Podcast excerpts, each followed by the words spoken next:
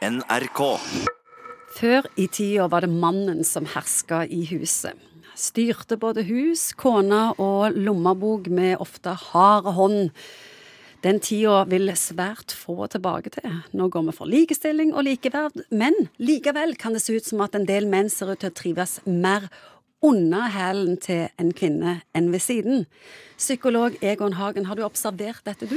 Det har jeg faktisk, og, jeg syns ikke det er noe spesielt eh, pent å se på at noen er under den andre, enten det er kvinner eller menn. Men akkurat denne gangen skal vi snakke om menn, faktisk, som, som ser ut til å trives godt under en kvinnehæl. Ja, hvorfor gjør de det, tror du? Nei, men det ser ut som eh, at en del tenker altså rundt det der med det å være mann. altså du, Det er liksom ikke grenser for hvor myk og snill og veldressert du skal være. Og, men mange mannfolk er kanskje redd litt sin egen maskulinitet. fordi at maskulinitet Ja, den har blitt skjelt ut i mange år, den. Skjelt ut i mange år. Det har vært så mange outrerte uttrykk, dominerende, steindumme menn som har misbrukt denne fysiske makta, at mange tar ingen sjanse. Kan det være et latskap? Ja, du parkerer liksom, du tar ingen konflikter, og hvis du bare vanner ut dine egne interesser, og du ser bare på de seriene som kona liker å se på Kan det hende at mange menn ikke er klar over hvor underdanige de har blitt? Ja, det kan godt være. Vi har jo snakket om det før, at kanskje en del gamle sånne litt innkjørte ekteskap, så ser du bare at kona bare vokser, og mannen blir bare mindre og mindre og mindre. Og mannen får mindre og mindre testosteron, og kona får bare mer og mer av det. Ja.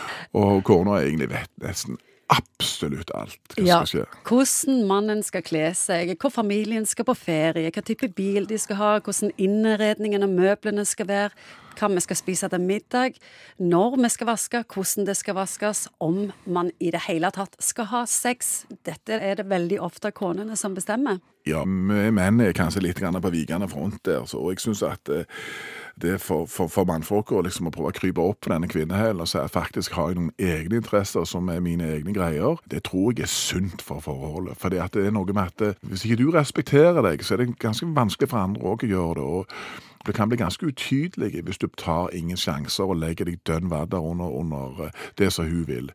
Nå snakker vi litt i store bokstaver. og- Det må vi på fire-fem minutter. det må vi. Og klart at uh, noen menn vil ha veldig godt, tror jeg, av å rense stemmen og si ok, har jeg noe genuint, Uh, mine egne greier her, hva har jeg egentlig lyst til å gjøre? Jeg har lyst til å gå i den skjorta, faktisk. Og hvis du ikke står for noen ting, og ikke vil noen ting, det er litt makelig kanskje en stund der. Hun har jo greie på alt. Hun tar avgjørelser og styrer og Ut, bestiller. sant? Og Og... så kan du bare dingle med liksom litt Ja. i skjørtekanten der.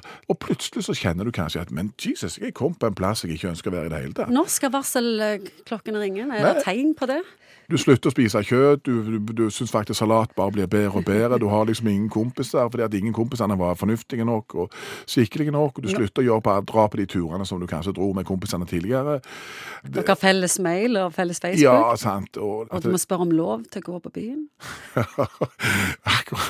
Ja, aktig de tingene der, Ingrid. Det det som det er for mye av de greiene der, så, så følg litt med på det. Og alle skjønner jo at vi vil ikke tilbake igjen til noe gammelt tull, men at det, det er grøft på begge sider. Noen ganger så har vi en tendens til å få overslag. Og jeg ser at en del mannfolk syns det er veldig behagelig å krype liksom, liksom inn i skjørtekanten og bli der.